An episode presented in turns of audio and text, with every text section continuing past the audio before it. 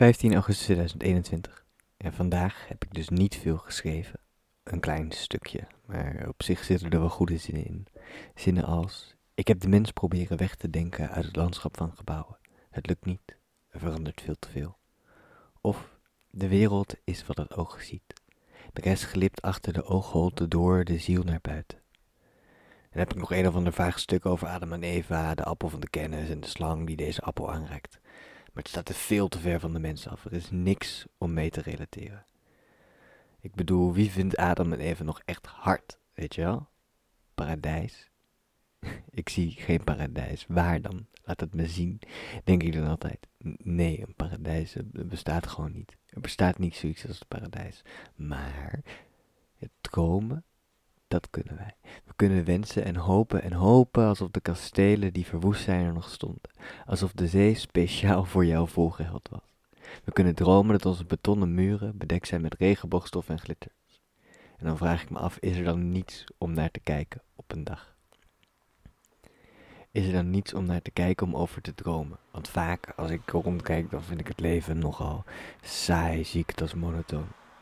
Maar als ik om me heen kijk, naar de mensen, de kleine trekjes in mimiek of het karakter of de sporen van gebeurtenissen die zich in de gezichten van de mensen slijpt, dan gebeurt er iets. Want aan de manier waarop iemand zichzelf draagt is een ziel te lezen. En er zijn vele vormen van de ziel, van ander in ieder geval. Nou ja, dat schreef Jung.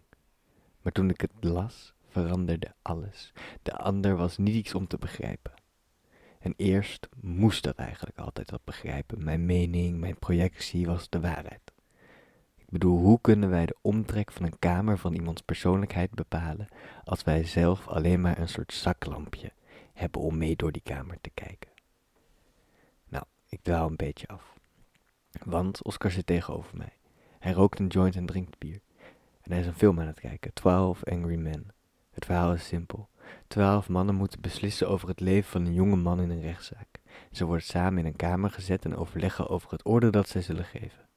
Elf van de twaalf mannen stemt schuldig. Eén man zegt onschuldig. Hij zegt, als we over het leven van een jonge man beslissen, laten we er dan hier tenminste over praten, voordat wij een eh, oordeel vellen. En dan denk ik weer aan de zin die ik vandaag heb opgeschreven. Ik heb de mens proberen weg te denken uit het landschap van gebouwen. Het lukt niet, er verandert te veel.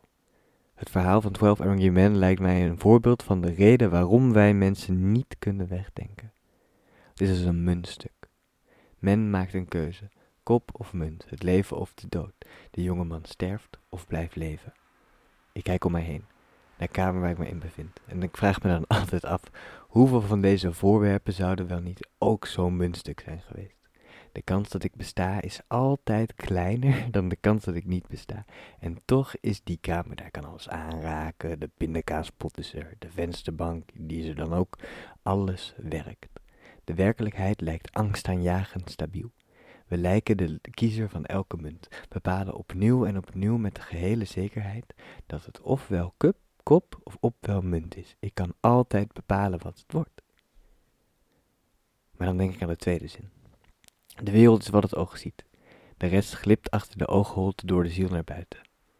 Ik zeg dus, de wereld lijkt angstaanjagend stabiel. Het is zoals het tweespleten experiment. Een serie lichtdeeltjes wordt door een buis geschoten.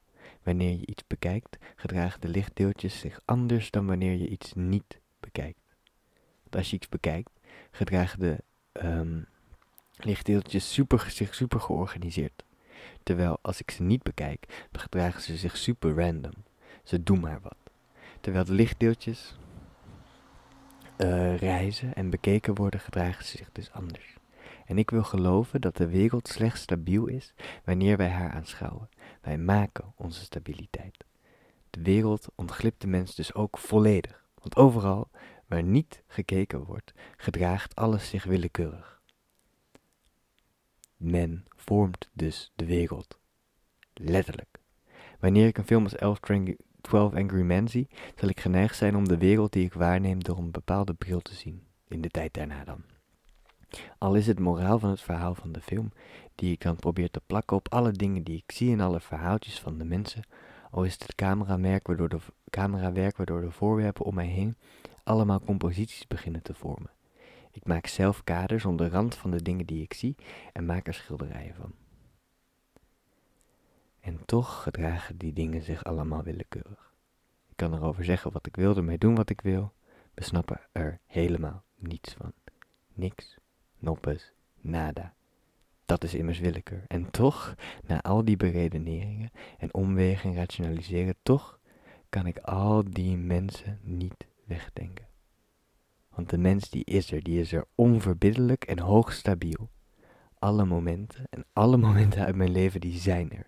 De drie uur s'nachts het plafond aanstaren, verzonken in gedachten of de saaie momenten, de levendige momenten, de gelukkige momenten, de onbenoemde momenten. Tijd lijkt te lang om niet stabiel te zijn. Wij zitten vast aan seconden, uren, jaren en dagen. Maar de dingen, die doen eigenlijk maar wat. Als wij niet kijken, doen ze maar wat. En daarmee lijken ze toch wel ergens een beetje op de mens.